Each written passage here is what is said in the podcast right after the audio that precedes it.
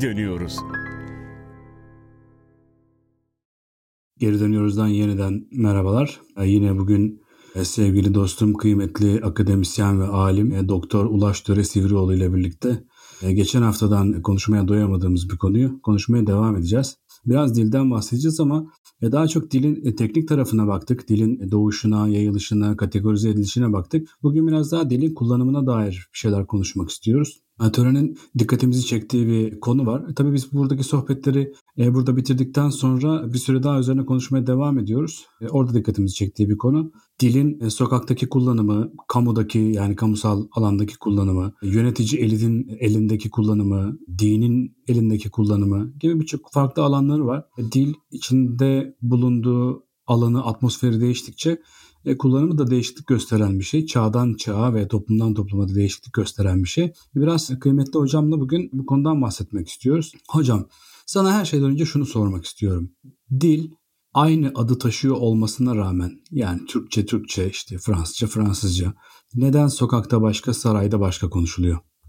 Şimdi bütün tarih boyunca aslında bu Türkçe dediğimiz, Fransızca dediğimiz, işte Arapça dediğimiz dillerin bir e, halk tabakasının konuşma tarzı var. Bir de elit, yüksek tabakanın konuşma biçimi var. İkisi birbirinden bazen uçurum derecesinde farklı olabiliyor. Yani birbirlerini anlayamayacak derecede ve bunu yani böyle evrensel bir şekilde görüyoruz. İşte Çin'de örneğin işte bir mandarin Çincesi var. Sen biraz onları incelemişsindir. Hatırlıyorum yani az çok o konularla ilgilendiğini. Ve bir de yani halkın kullandığı bir dil var. Tabii o geçen haftalarda konuştuğumuz gibi şekilsel olarak birbirine benzeyen ortak simgelerle anlaşabiliyorlar. Belki yazı üzerinde ama konuşurken bu değişiyor. İşte Mısır'da hieroglif yazıyla anlatılan yani rahiplerin kullandığı bir dille e, daha çok hiyeratik ya da demotik daha da basit bir halk Mısırcası var. İşte Arapçada gene bizi dinleyenlerin çoğu belki bilir. Yani fasih Arapça denilen işte Kur'an Arapçası denilen teorik ve mükemmelleşmiş bir Arapçayla e, halkın kullandığı yerel diyalekler var. Bunlar bazen hakikaten yani birbirlerini e, anlayamayacakları derecede farklı e, örnekler oluşturuyorlar. Hatta sen bana bir e, başından geçen bir olay anlatmıştın. Suriye'de sanırım fasih bir Arapça ile bir dükkana girmişsin bir şeyler sormuşsun da adam ayağa kalkıp ceketini ilikledi falan demiştin hatırlıyor musun onu? Evet evet benimle dalga geçmişlerdi. Söyleme sayıp biraz bağırsaklarımı bozmuştum. Ve ilaç arıyordum kendime. Bir eczaneye girdim. Ben tabii fasih Arapça e, kursuna gidiyordum. Yani çok büyük bir teknik hata yapmışım orada. Bir fasih Arapça kursuna gittiğim için öğrendiğim Arapça hemen hemen e, Hazreti Ömer döneminin Arapçasına yakın bir şeydi. Yani ben böyle çok fasih bir Arapçayla e, içeri girip ishal ilacı sorunca eczacı benimle dalga geçmek için ayağa kalkıp önüne iliklemişti. Tabii şey e, yani bu senin dediğine örnek vermek açısından söylüyorum. Fasih Arapça biraz yani bir interlinguası, bir lingua francasıdır aslında şeyin, Arap dünyasının. Bütün kitaplar, dergiler, e, filmler, hep şarkılar ağırlıklı olarak bu dilde yapılır. Ama her ülkenin kendi Arapçası birbirinden neredeyse farklı diller denebilecek kadar e, uzaktır. Örneğin bir e, Mağriplinin, bir e, Faslı'nın bir Iraklı ile kendi yerel Arapçasını konuşarak anlaşması çok imkansızdır. Yani bir Norveçli'nin bir Danimarkalı ile anlaşmasından çok daha imkansızdır kendi dilini konuşarak anlaşması. O yüzden bunlar kendi aralarında bir çatı Arapça olarak Basya Arapçayı konuşurlar. Hatta senin anlattığın bir anekdottan sen bir anlatmıştın galiba gene. Hani örneğin Mısırlıların baştaki K harfini, K harfini yuttuğunu söylemedi. Örneğin kalbi yazıp elbi diye telaffuz ettiklerini. Öyle miydi? Öyle hatırlıyorum sanki. Tabii tabii. Bu şey Emre Diap'ın şarkılarında e, çok meşhur bir şarkısı vardır ya. Temelli ma'ak ma kalbi ma'ak ruhi. İşte o şarkıda mesela orada ma'ak seninle demek. Orada aslında kalbi demiyor da elbi diyor. Kafları yutuyorlar. Hatta bu Şam'ın meşhur Hristiyan mahallesi vardır ya Baptuma. Oraya Eskişehir anlamında Medinetil Adime derler. Aslında Medinetil Kadime demesi gerekir. Ha kadim demesi Burada, gerekiyor aslında. Tabii tabii. A- ama şey Medine feminen olduğu için Medinetil Kadime olması gerekiyor. Ama Medinetil Adime derler. Ve şey Bununla birlikte de Mısır Arapçasının çok unik bir durumu var. Mısır Arapçasında da C sesi yoktur. Arapçada çok karakteristik bir ses olmasına rağmen Mısır Mısırca'da C sesi yoktur. Onun yerine G sesi vardır yani. Abdülmecid demezler. Abdülmegid derler. Bir de Araplarda en hoşuma giden şeyler hani P sesi yok ya. P ile her kelimeyi B ile seslendiriyor. Mesela polis yerine bolis demeleri mesela o da o da hoş yani. Tabii tabii Arap ülkelerinde mesela Pepsi ambalajların üstünde Bipsi yazar. Ama işte tabii bu tam verdiğimiz e, halk diliyle yüksek dil arasındaki örnek gibi olmasa da yani bu bildiğim kadarıyla Avrupa saraylarında da kullanılan bir şey. Yani daha doğrusu her Avrupa sarayının kullandığı dil hem dil olarak yerel halktan farklı hem de yabancı dille kullanıyorlar. Mesela ne hatırlıyorum İngiliz sarayında işte Fransızca konuşmanın ya da Fransız aksanıyla konuşmanın uzun dönem moda olması gibi. İşte e, Alman sarayında da tam tersi Fransızca konuşmanın uzun dönem moda olması gibi. Rus sarayında hocam, da şeyde, Almanca konuşmanın. romanlarında yönetici elit her zaman Fransızca konuşur biliyorsun. Hep böyle Fransızca cümlelerin karşılıkları dipnotlarla doldur Tolstoy romanları.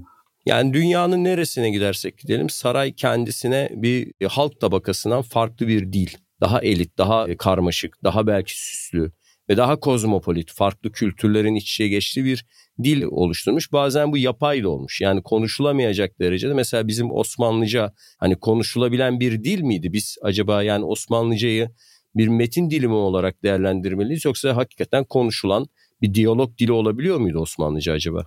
Tabii hocam divani bir dil olarak Osmanlıca tam olarak yazıldığı gibi konuşuluyordu. Sarayda da böyle konuşuluyordu. Ama buraya herhalde biraz şeyden bakmak lazım diye düşünüyorum. Her iki dilsel kanalın da yani işte Türkçe özelinde düşünecek olursak e, Türkçenin saray dili olarak işte Osmanlı Türkçesi, Anadolu Türkçesi gibi ayıracak olursak her iki dilin de farklı kaynaklardan e, beslendiğini kabul etmemiz lazım belki de. Yani sarayda yetişen biri doğal olarak Arabi Farsi dersleri alarak büyüyordu ve yani konuştuğu gündelik dile Arabi Farsi kelimeler ve terkipler katmak onun için bir prestij kaynağıydı. Dolayısıyla e, sarayda böyle konuşmanın geçer bir yanı var. Ama sokakta, köyde, işte ne bileyim kasabada, Anadolu'nun içinde bir yerlerde bu kelimelerin alıcısı da yok aslına bakarsan. Yani işte böyle vesveseyi, debdebeyi, dümdüme diye konuşmanın yani Anadolu'da hiçbir karşılığı yok tabii yani. Çünkü beslendikleri kaynaklar farklı.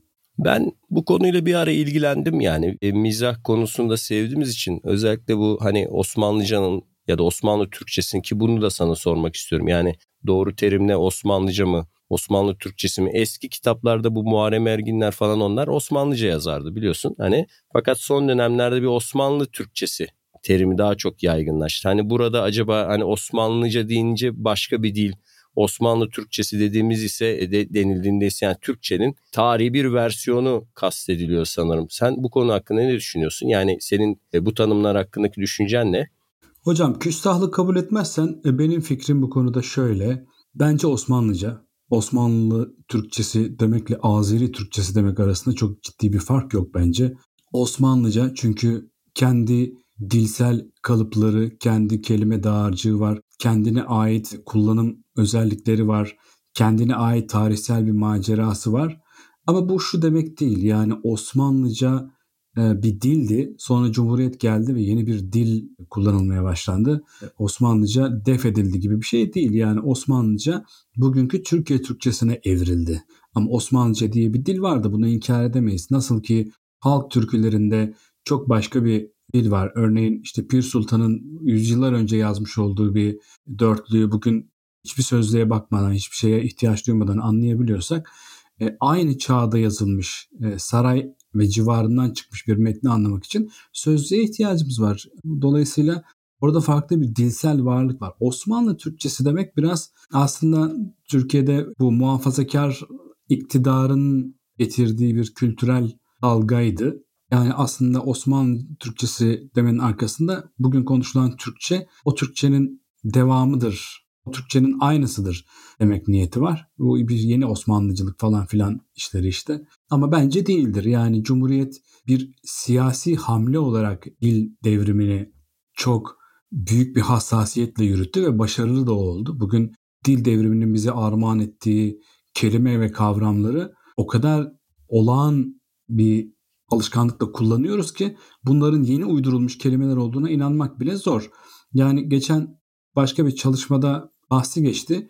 Türkçe'de güven ve güvenlik sanki aynı kökten türetilmiş iki kelime gibi görünüyor ama bunların Osmanlıca karşılığı takdir edersin ki birininki itimat, birininki asayiştir. Yani aslında aynı kelimeler değiller ama güven kökünden türetilmiş. Sanki güven ve güvenlik aynı şeymiş gibi görünüyor. Oysa ki güvenlik Cumhuriyet'ten bile sonra 1934'teki ilk sözlüklere girdiği biliniyor. Yani Cumhuriyet'ten bile 10 yaş daha genç bir kelime.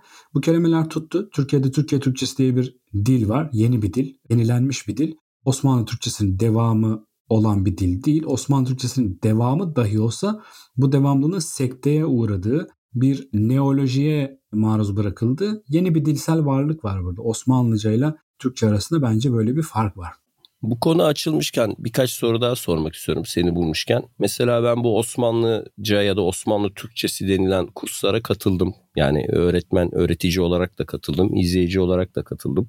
Şimdi bu sanırım biraz kursiyerleri korkutmamak için yani Osmanlı Türkçesi terimi daha çok kullanılıyordu. Yani çok yabancı bir dil öğrenmeyeceksiniz. Bakın gerçekten gözüktüğü kadar zor değil. Hatta belki şimdi güleceksin ama bu kurslardan birinin ilanında aynen şu yazıyordu. 24 saatte Osmanlıca. Hani böyle 90 dakikada Hegel kitapları falan vardı ya bir dönem biz öğrenciyken. Şimdi bunun gibi bu konu hakkındaki düşüncen nedir? Yani 24 saatte Osmanlıca diye bir insan nasıl bir iddialı bir afiş hazırlayabilir. Bu da tabii kastettiği daha çok harflerin okunuşlarını öğretmekten ibaretti. Harflerin okunuşlarını öğrenmek bizi Osmanlıcayı öğrendiğimiz anlamına gelir mi? Hocam aslına bakarsan gelmez. Yani ben şöyle düşünüyorum. 24 saat biraz iddialı olmakla birlikte bence eski yazı öğrenme yani çünkü eski yazı ve Osmanlıcayı da ayırmak lazım belki bu noktada. Eski yazı Türkçenin uzun yıl yüzyıllar boyunca yazıldığı bir yazı sistemiydi. Arap alfabesinden ve nispeten Fars e, versiyonundan kotarılmış bir yazı sistemiydi. Ve biz harf devrimiyle birlikte bunu da geride bıraktık. Nasıl ki dil devrimiyle birlikte Osmanlıcayı geride bıraktıysak harf devrimiyle eski yazıyı da şey yaptık, geride bıraktık. Şimdi işin içinde şöyle bir şey var. Bence eski yazıyı öğrenmenin maksimum süresi iki haftadır.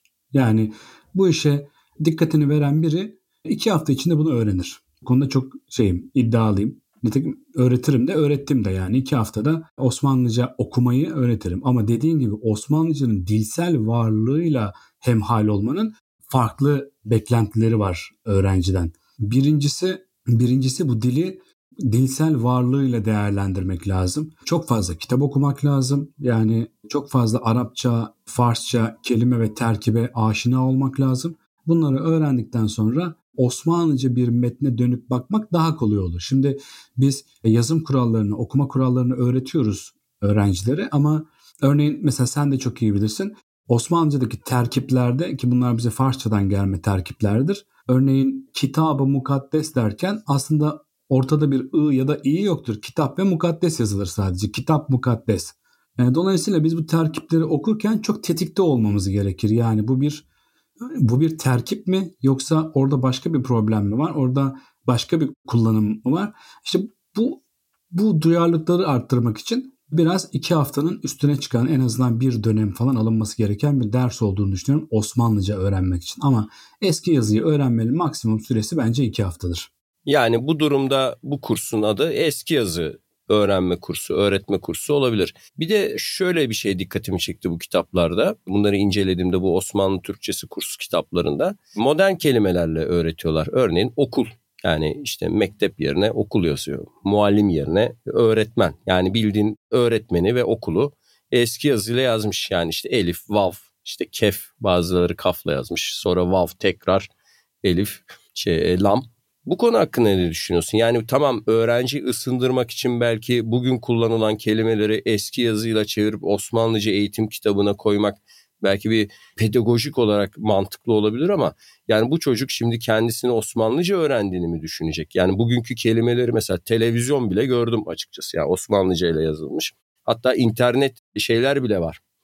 Hani böyle Osmanlıca emojiler falan filan hazırlamışlar. Hani sevimlilik olsun. E şimdi bu kişi Osmanlı döneminde hiç kullanılmamış kelimeleri yeni yazıyla, eski yazıyla öğrenip de Osmanlıca öğrenmiş mi olacak? Yani bu Sümer yazısıyla, çivi yazısıyla televizyon yazmak gibi bir şey değil mi aslında bir bakıma?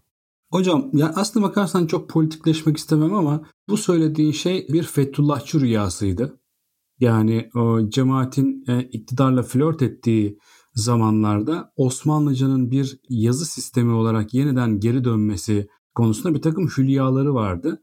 Ve zaten geriye dönüp baktığın zaman bu yerelde işte halk eğitim merkezlerinde şurada burada açılan Osmanlıca kurslarının çok büyük bir çoğunluğunu onlar organize ediyorlardı. Onların kitapları okuluyordu. Onların hocaları ders veriyordu ve onlar gittikten sonra bitti bu Osmanlıca sevdası. Ve o dönemde bu cemaatin açtığı Osmanlıca kurslarına materyal sağlamak için hem işte Said Nursi'nin kitaplarının Osmanlıca yazılı versiyonları piyasaya sürüldü hem de bir takım internet siteleri yapıldı. İnternet, Osmanlıca yazılmış yani şöyle söyleyeyim eski yazıyla yazılmış haber siteleri falan açtılar. Baya böyle günlük işte haberlerin paylaşıldığı.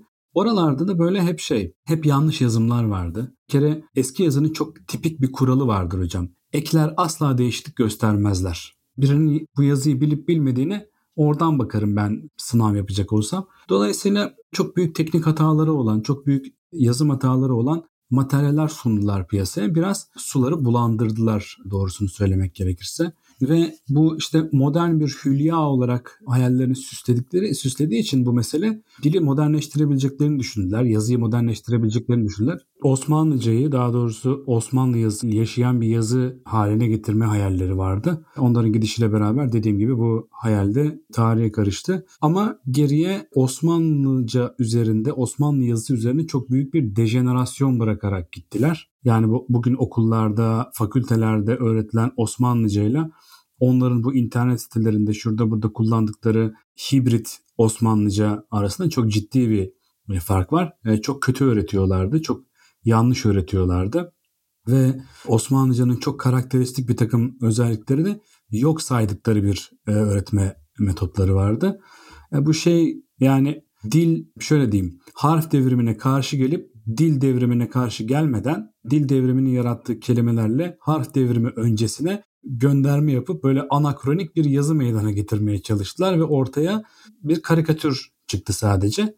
Neyse ben de biraz doluymuşum herhalde bu konuyla ilgili. Ya bu konu hakkında bir ara Karagöz Hacivat oyunlarını inceledim. Yani işte şöyle bir iddia var biliyorsun. Hani dil devrimi olmadan önce halk bu Osmani dili anlıyordu. Enderun dilini. İşte dil devrimi olduktan sonra anlayamaz hale geldik gibi böyle güçlü yani sürekli tekrar edilen. Halbuki bizim bildiğimiz yani tarihsel metinlerden halk eskiden de bu dili anlamıyormuş. Yani 19. 18. yüzyılda baktığımız zaman hatta e, Arabi, Farsi, bilmedim dile minnet eylemem var ya. E, işte o Karagöz Acıbat oyunlarına şeye bakıyorsun. Hani Karagöz'ü şey yansıtıyor. Kafası çalışmadığı için anlamıyor değil Karagöz. Karagöz aslında zeki bir karakter. Ama eğitim almadığı için anlamıyor Hacivat'ın dediklerini. İşte ne diyor mesela işte Hacivat ne diyor? Esnai rahta füceden mürd olmuş diyor. Ne diyor? Hayvan sarayda bekçi kürdü mü bulmuş diyor. İşte herkes gülüyor kahkaka. Hayır Karagöz'üm diyor. Yani yolda giderken ölmüş diyor. Karagöz'ü ulan öyle söylesene diyor. Yani Karagöz burada aslında hani zekası yetmediği için bu anlamıyor değil Hacivat'ın dediklerini. Hakikaten Osmanlıca bilmediği için yani o saray diline hatmetmediği için, eğitim görmediği için anlayamayan Anadolu insanını yansıtıyor.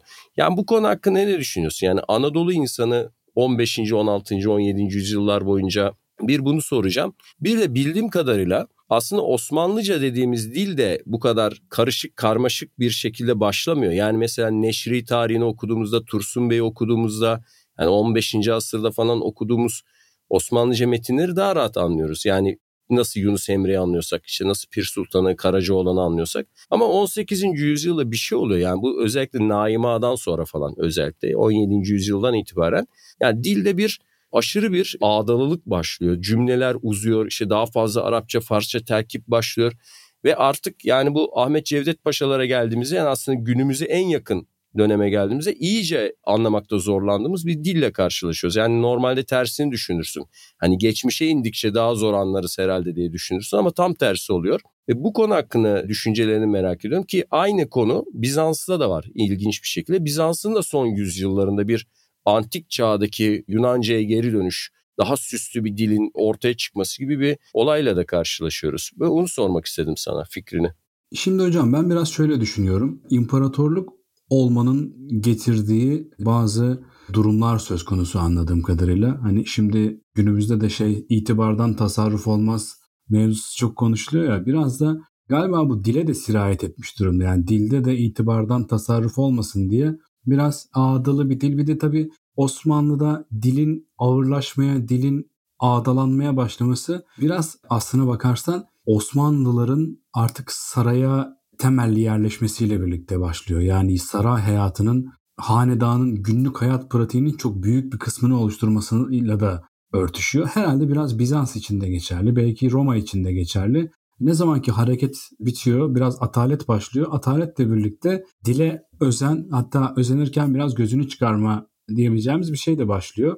Bilmiyorum katılır mısın da e, tabii sarayın gelişmesi demek yani saraydaki hayatın gelişmesi demek sarayda alimler istihdam etmek demek sarayda hocalar tutmak saray onları sarayda yaşatmak onları oraya yerleştirmek demek çünkü dediğim gibi itibardan tasarruf olmadığı için bunlara bunlara ev sahipliği etmek hükümdar için çok önemli bir şey tabii. Yani bir hükümdar yiğitliği, savaşçılığı kadar ilme, irfana ne kadar kapı açtığı, onu ne kadar desteklediğiyle de övülüyor. Yani bu bütün imparatorluklar için geçerli. Yani Roma'dan işte Bizans'tan, Osmanlı'dan tut da bugün işte İngiliz imparatorluğuna, Amerikan imparatorluğuna kadar hepsi için geçerli. Belki biraz bununla ilgili olabileceğini düşünüyorum. Bir başka etkisi de şu. Daha yerleşik, daha tırnak içinde söylüyorum kentli bir topluluk olmaya başlıyor Osmanlılar. Kent demek edebiyat demektir. Kent demek çeviri edebiyat demektir. Yani çeviri edebiyatın ülkeye girişi, çıkışı, bunun okunması, ithalatı, ihracatı demektir.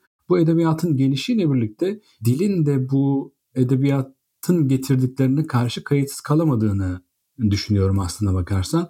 Yani dönüp baktığımızda acaba 14. 15. yüzyılda mı Osmanlıların kendi lisanlarına çevirdiği eser sayısı daha fazladır yoksa 17. yüzyılda mı daha fazladır? E, çok büyük ihtimalle 16. 17. yüzyılda en fazla en en yüksek rakama ulaşmıştır diye tahmin ediyorum. Çünkü yani sarayın debdebesi, şaşasıyla da bunlar teşvik edilen şeyler. Ben biraz buna bağlıyorum. Sen neye bağlıyorsun? Ya şimdi dil olayını toplumsal bir yapı olarak gördüğümüz zaman mesela Osmanlı'da mimari ve sanata da baktığımızda şu tutarlılığı görüyoruz. Örneğin Topkapı Sarayı sadedir biliyorsun yani hani böyle Cihan İmparatorluğu sarayı gibi değildir yani. Avrupa'da çok daha küçük krallıkların yani Danimarka, Flemenk falan filan krallığının sarayları bile bizim Topkapı'dan daha süslü yani daha iddialı. Topkapı Sarayı'nın sadeliğiyle o dönemin Osmanlıcasının sadeliği birbiriyle örtüşüyor açıkçası. Yani demin örnek verdiğim gibi yani neşri tarihini bugün hiç Osmanlıca hiç ilgilenmemiş biri bile okusa neden bahsettiğini az çok anlar yani çok zorlanmaz ne diyor işte e, çıkıp düşmanın kellesini vurup oradan Bursa'ya geri döndü falan gibi böyle bir dil var. Malkoçoğlu filmi gibi hocam. Evet yani bugün dizilerde de yapıyorlar zaten bunları o kadarını yapıyorlar. Fakat bu 19. yüzyıldaki sarayları düşünsene hani bu ne bileyim orada dolma bahçeler falan başladığı zaman o kapıların ihtişamları vesaireler yani çok daha süslü. Biraz bunun gibi yani biraz acaba devletin çöküşü döneminde yani biz çökmedik ayaktayız yıkılmadık ayaktayız gibi bir mesaj verme adına o saraylardaki şey artıyor yani o debdebe dediğin şey. Çöküş zamanları dilin böyle buna ayak uydurduğunu görüyoruz yani dil de süslü artık yani yazı da daha süslü biliyorsun o yani daha şey böyle. Sanırım orada bir böyle bir mesaj da var politik mesaj da var.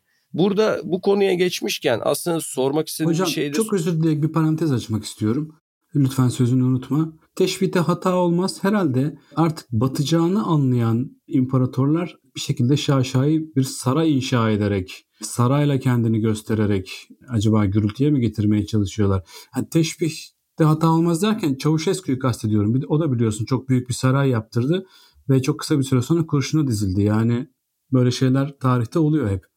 Şimdi bu dilin karmaşıklaşması ve debdebenin artışına geçmişken hani şunu da aklıma geldi onu da soracaktım. Fransızcanın etkisi özellikle hani bu bizim Osmanlıcanın halktan kopuşu evrimini incelediğimizde ve hani bugün çok yerli ve milli bir değer gibi düşünülen işte Osmanlıca unsuruna tabii son 150 yılında özellikle bir de tabii Batı etkisi özellikle de Fransızca etkisi var. Bu dili daha da kozmopolit bir hale getirirken tabii konuşulan dilden daha da uzaklaştırıyor. Yani bugün öğrenciler hatta şöyle bir örnek verebiliyoruz. Yani bir arabamız bozulduğu zaman bir otomobil bozulduğunda hani bir tamirciye götürdüğümüzde küçük sanayi sitesinde değil mi? Usta ile neredeyse Fransızca konuşuyoruz. Yani Fransızca anlaşabiliyoruz. İşte debriyaj diyoruz, kaporta, vites, bobinaj değil mi? İşte şanzıman, buji bir anda kendimizi şeyde buluyoruz. Yani bir Fransızca konuşurken buluyoruz. Bir de sadece Fransızca kelimeler konuşmuyoruz. Fransızca diksiyonuyla, Fransız diksiyonuyla da konuşuyoruz. Yani mesela television demiyoruz, işte televizyon diyoruz,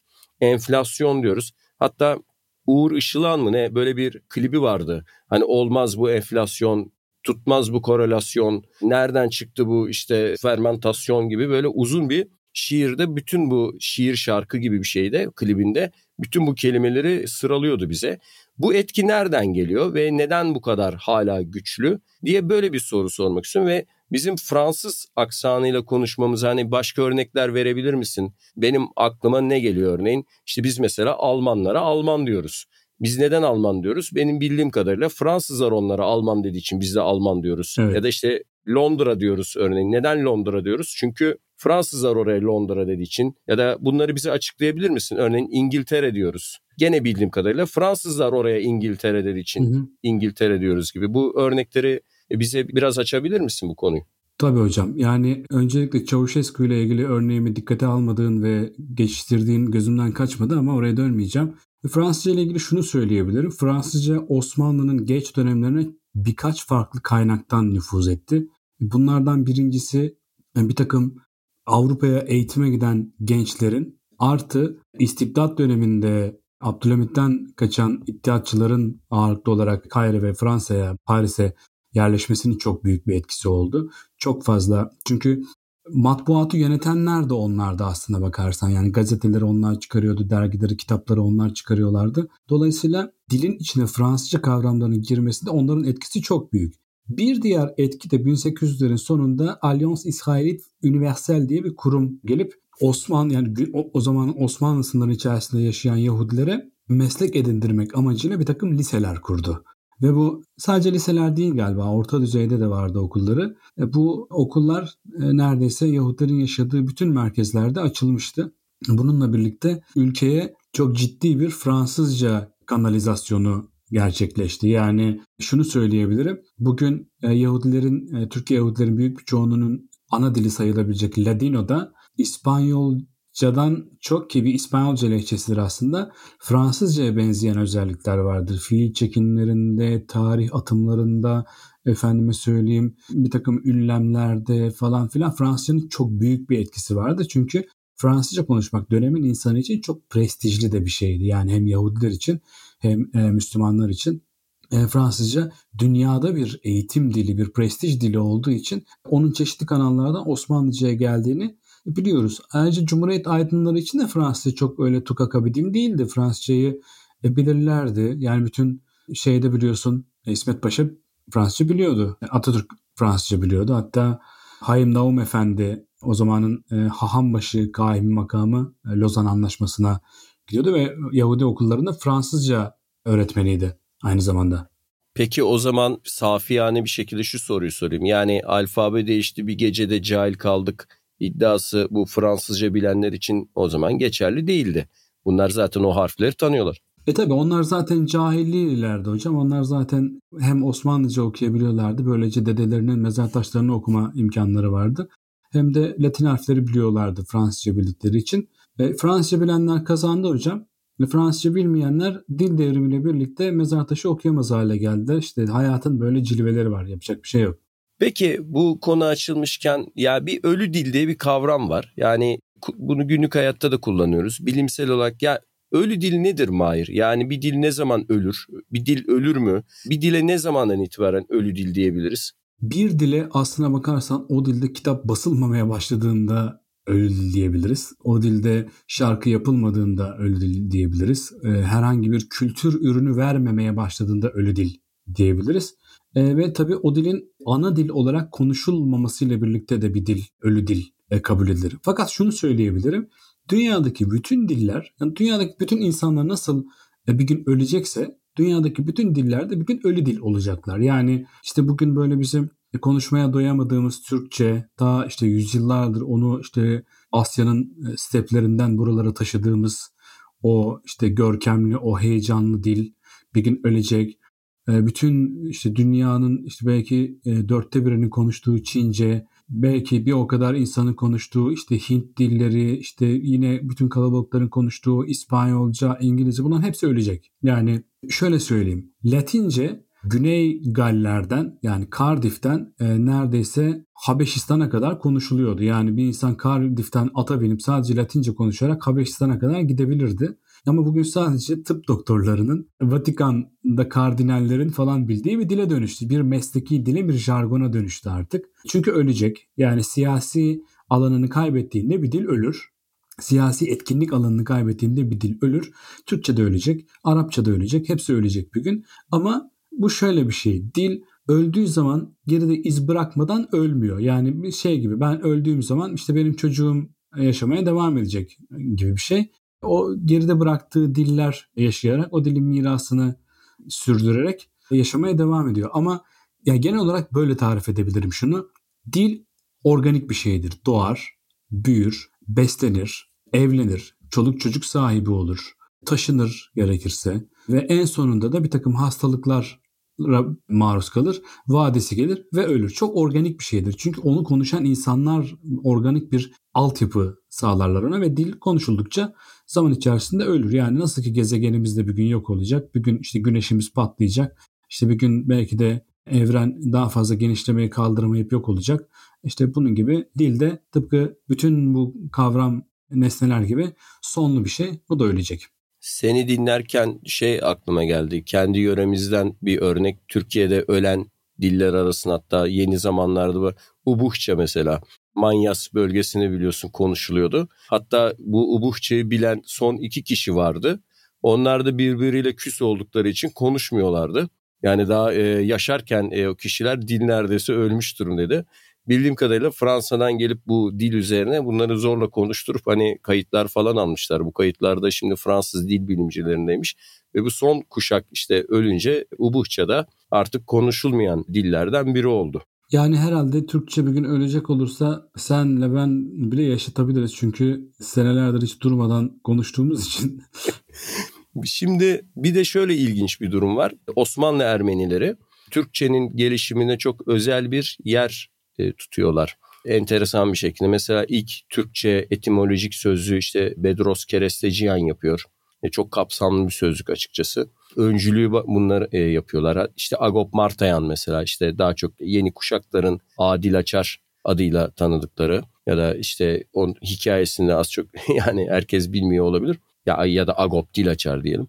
Bu olayı neye bağlayabiliriz? Ya da bildiğim kadarıyla mesela Diyojen dergisi daha harf inkılabı da yokken, henüz bir dil devrimi de yokken, hiçbir şey yokken Latin harfleriyle Türkçe karikatürler falan basmaya başlamış. Ben Diyojen o sayılarını gördüm. Gerçekten de hani bugünküne yakın 1870'lerde falan olması lazım. Bugünküne yakın bir Latin alfabesiyle bir Türkçe var orada kullanılıyor.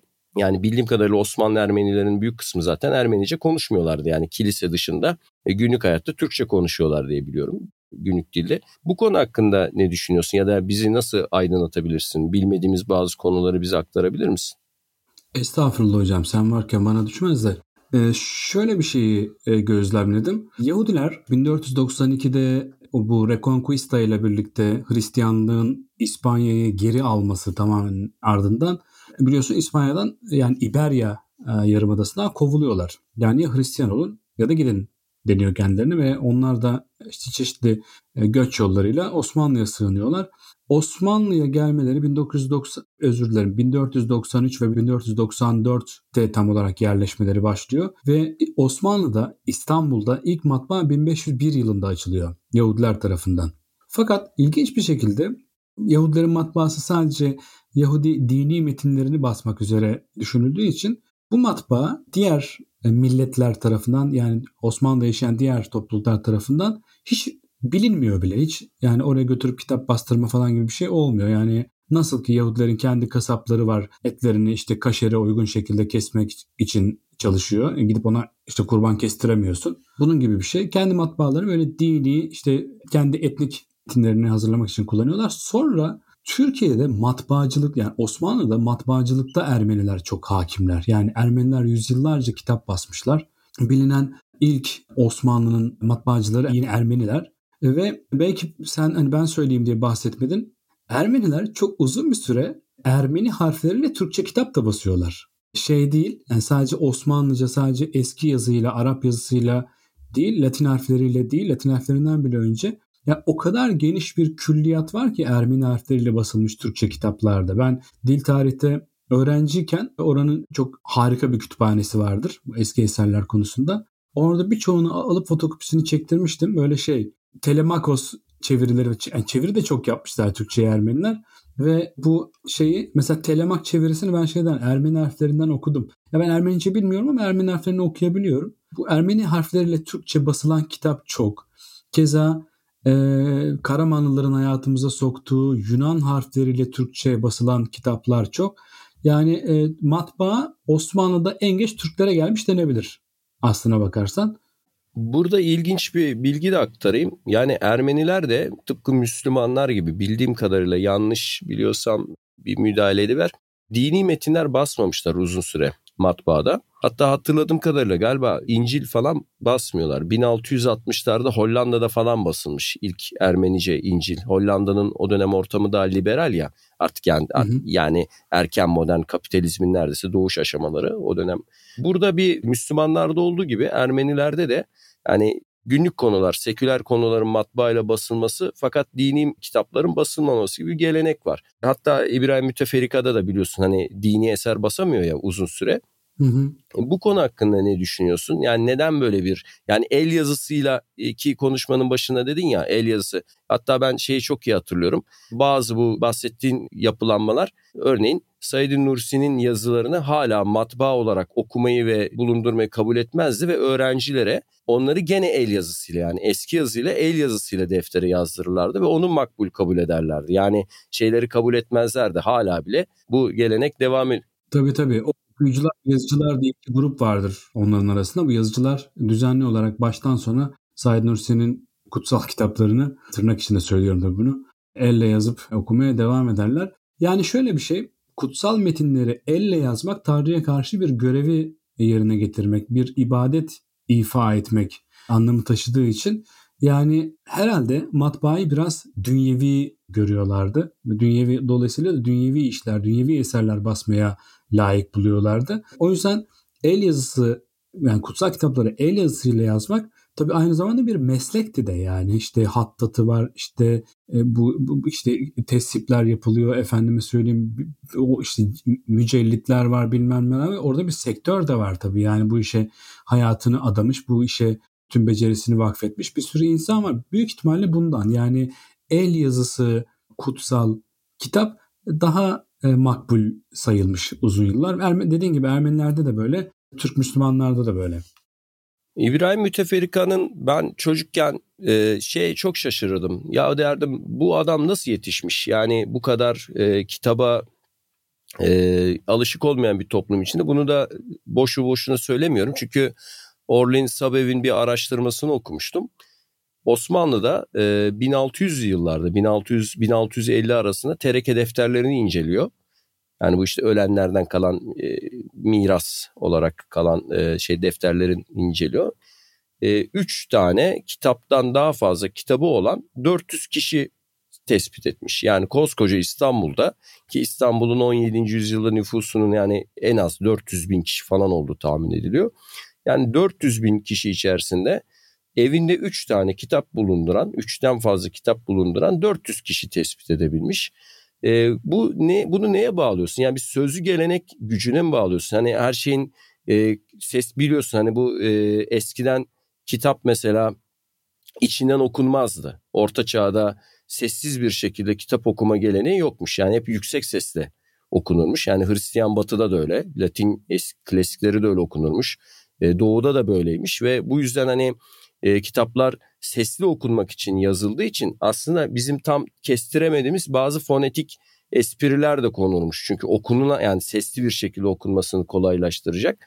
E bu konu hakkında ne düşünüyorsun? Yani bizim e, kitapla olan bu açıdan matbaayla olan ilişkimizin bu kadar geç başlaması e, ve hatta İbrahim Müteferrika'nın da aslında 30 yaşında Müslüman olmuş bir Macar protestan olması yani dışarıdan gelerek bu konuyu Osmanlı'da yaymaya çalışması hakkında ne düşünüyorsun? Hocam dediğini aslına bakarsan ben hala anlayabilmiş değilim. Yani hala kitap okumak Türkiye'de biraz hafif bir iş kabul ediliyor galiba. Yani ben şunu söyleyebilirim. Şimdi mesela bazen söyleme sahip benim de kitaplarım var biliyorsun. Bazen imza günleri falan yapıyoruz. Böyle kuyrukta sadece kadınlar bekliyor. Yani sadece kadınlar kitap okuyorlar. Sadece kadınlar kitap imza atmaya geliyorlar. Bazen kuyrukta bekleyen bir adam görüyorum mesela. Ve o kadar seviniyorum ki aa diyorum işte işte bu kadar beklettim sizi kusura bakmayın. Ya kızım sorma, için. Ha, kızım, kızım için, mi diyor? diyor tabii. tabii. Sorma hanımın bugün mesaisi vardı gelemedi falan diyor mesela böyle. İlginç bir şekilde okumak biraz nisai bir iş gibi görünüyor galiba. Biraz böyle erkeği hafif gösteren, işte böyle erkeği böyle kıldan tüyden işlere kafa yoran, böyle boş işler peşinde bir adam gibi gösteriyor. Yani erkekliği halal getiren bir şey diye herhalde. Erkekler pek kitap okumuyor yani kadınlar okuyorlar kitapları ağırlıklı olarak. E işte böyle e, kitap okuyan erkekler de işte böyle yani seni tenzih ederek söyleyeyim biraz acayip tipler oluyorlar. Yani bir şekilde bu bizim galiba genetik kodlarımızda yok. Yani biz kitap okumayı pek sevmiyoruz galiba. Evet kafamda bir şey oluştu. Demek ki 17. 18. asırlarda kadınlara hani Sıbyan mekteplerinin ötesine geçen bir eğitim olana şansı fırsatı verilseydi yani onlar da medreselere kabul edilseydi ya da Darülfünun'un açıldığını da biliyorsun almıyorlar aslında iş uzun süre kadınları Cumhuriyete kadar. Belki bu üç kitap ortalaması herhalde yükselecekti diye düşünebiliriz yani o dönemde de. Evet ben yani modernde de böyle olduğunu düşünüyorum. Yani bir evde eğer senin gibi hani böyle işte akademik merakları, hevesleri olan biri değilse ağırlıklı olarak bir evde bulunan kitapların %90'ının o evin kadınına ait olduğunu düşünüyorum. Evet zaten bu bir düşünce diyeceğim. Kitap satış oranları, sayıları falan bakıldığında yani bunlara hani müşterileri ki biz öğrenciyken kitapçılık da yaptık. Dediğin gibi sadece yani dükkana giren çıkan insanların %90'ı neredeyse evet kadındı yani müşterilerin, kitap alanların. Hocam biz öğrenciyken kitapçılık yaptık deyip oradan kendine böyle kitap idealisti görüntüsü çıkarmaya çalıştığını biliyorum ama biz öğrenciyken kitap çaldık da yani bunları da bunları da söylemek lazım. Şimdi özendirmeyelim kimseyi ama maalesef başka türlü okuyamazdık. Çok acılar içindeydik. Biz çok yoksulluk çektik. Mağarada doğduk zaten. Evet, Çavuşescu'nun 25 kilometre uzunluğuna ulaşan sarayının duvarı konusundaki sessizliğim gibi bu konuyu da sessizlikle geçiştirme herhalde fark etmişsindir. Hocam tarih Çavuşescu'ları affetmiyor. Dünyadaki bütün saraylar geçicidir. Neyse. Evet, bu güzel slogan üzerine söylenecek bir şey artık kalmadığı için İstersen yavaş yavaş programımızı Evet hocam sonlandır. kapatalım. Geri dönüyoruz da bu hafta yine biraz geri döndük. Biraz bugüne baktık. Dilden bahsettik. Kıymetli dostum Töre ile. Töre yine bu hafta bizi kendi nuruyla aydınlattı. Ona çok teşekkür ederiz. Bir şey söyleyecek misin hocam? Ben de tabii sorduğumuz sorulara verdiği ayrıntılı cevaplardan dolayı Mahir'e teşekkür ediyorum burada dinleyiciler adına. Teşekkür ederim. Herkes bu işi birbirimizi övmek için yaptığımızı düşünmeye başlayacak. Herkese çok teşekkür ederim. Haftaya yine geriye dönmek için, yine şöyle bir etraflıca bakmak için görüşmek üzere. Hoşçakalın.